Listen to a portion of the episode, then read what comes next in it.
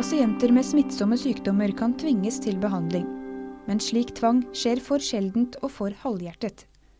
Ifølge smittevernloven kan pasienter med allmennfarlige smittsomme sykdommer som tuberkulose, hiv og hepatitt B tvangsundersøkes, isoleres og behandles dersom de ikke gjør dette frivillig. En del kriterier må imidlertid være oppfylt først, for tvang skal være aller siste utvei, forteller Tore Velgård Steen. For det første må det være en såkalt allmennfarlig smittsom sykdom. Og I det konkrete tilfellet må pasienten være smittsom. Så må en ha forsøkt frivillighet så langt det er mulig. Og det må være sannsynlig at en ikke kommer lenger med frivillighet. Og så må det også være sannsynlig at andre vil bli smittet hvis det ikke treffes et tvangstiltak. Kan du gi noen flere eksempler på hva som defineres som allmennfarlige smittsomme sykdommer? Typisk allmennfarlig smittsomme sykdommer det er f.eks. Um, hiv og syfilis gonoré. Det er sånn som meslinger, salmonella, shigella og det er tuberkulose, for å ha gitt noen eksempler. da. Så det, det er jo Fellesnevner for de at det er sykdommer som enten er svært alvorlige, eller som kan bli svært utbredte, eller krever langvarig behandling.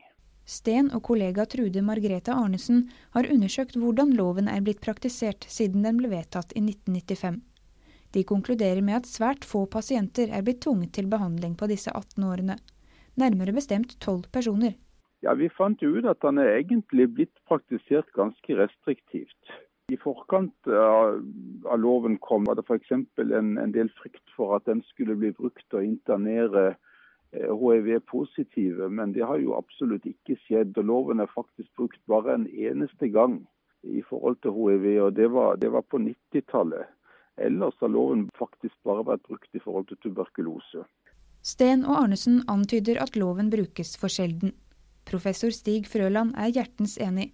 Han understreker på lederplass at når tvang først er nødvendig, da må det gjøres effektivt og helhjertet disse bestemmelsene har vært brukt i svært liten grad, eh, sannsynligvis for liten grad.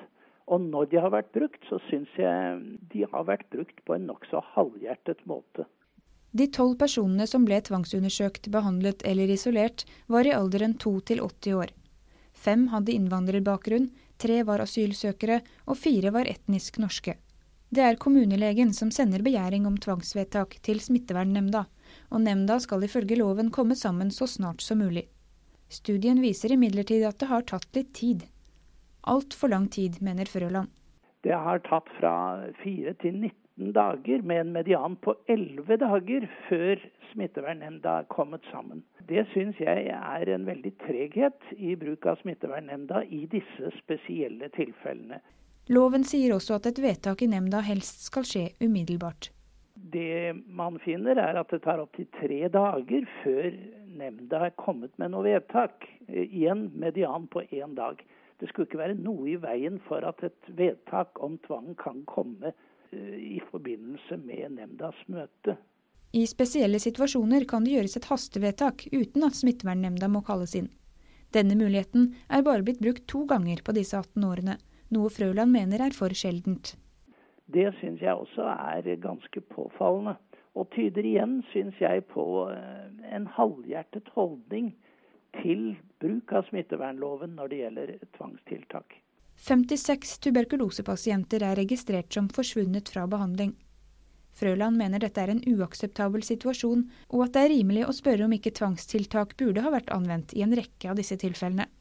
Man har altså ikke fulgt opp dette, og de er unnveket fra behandling. Og det, jeg anser det som ganske alvorlig at, at man ikke eh, i større grad og med større effektivitet har klart å holde slike pasienter i behandling.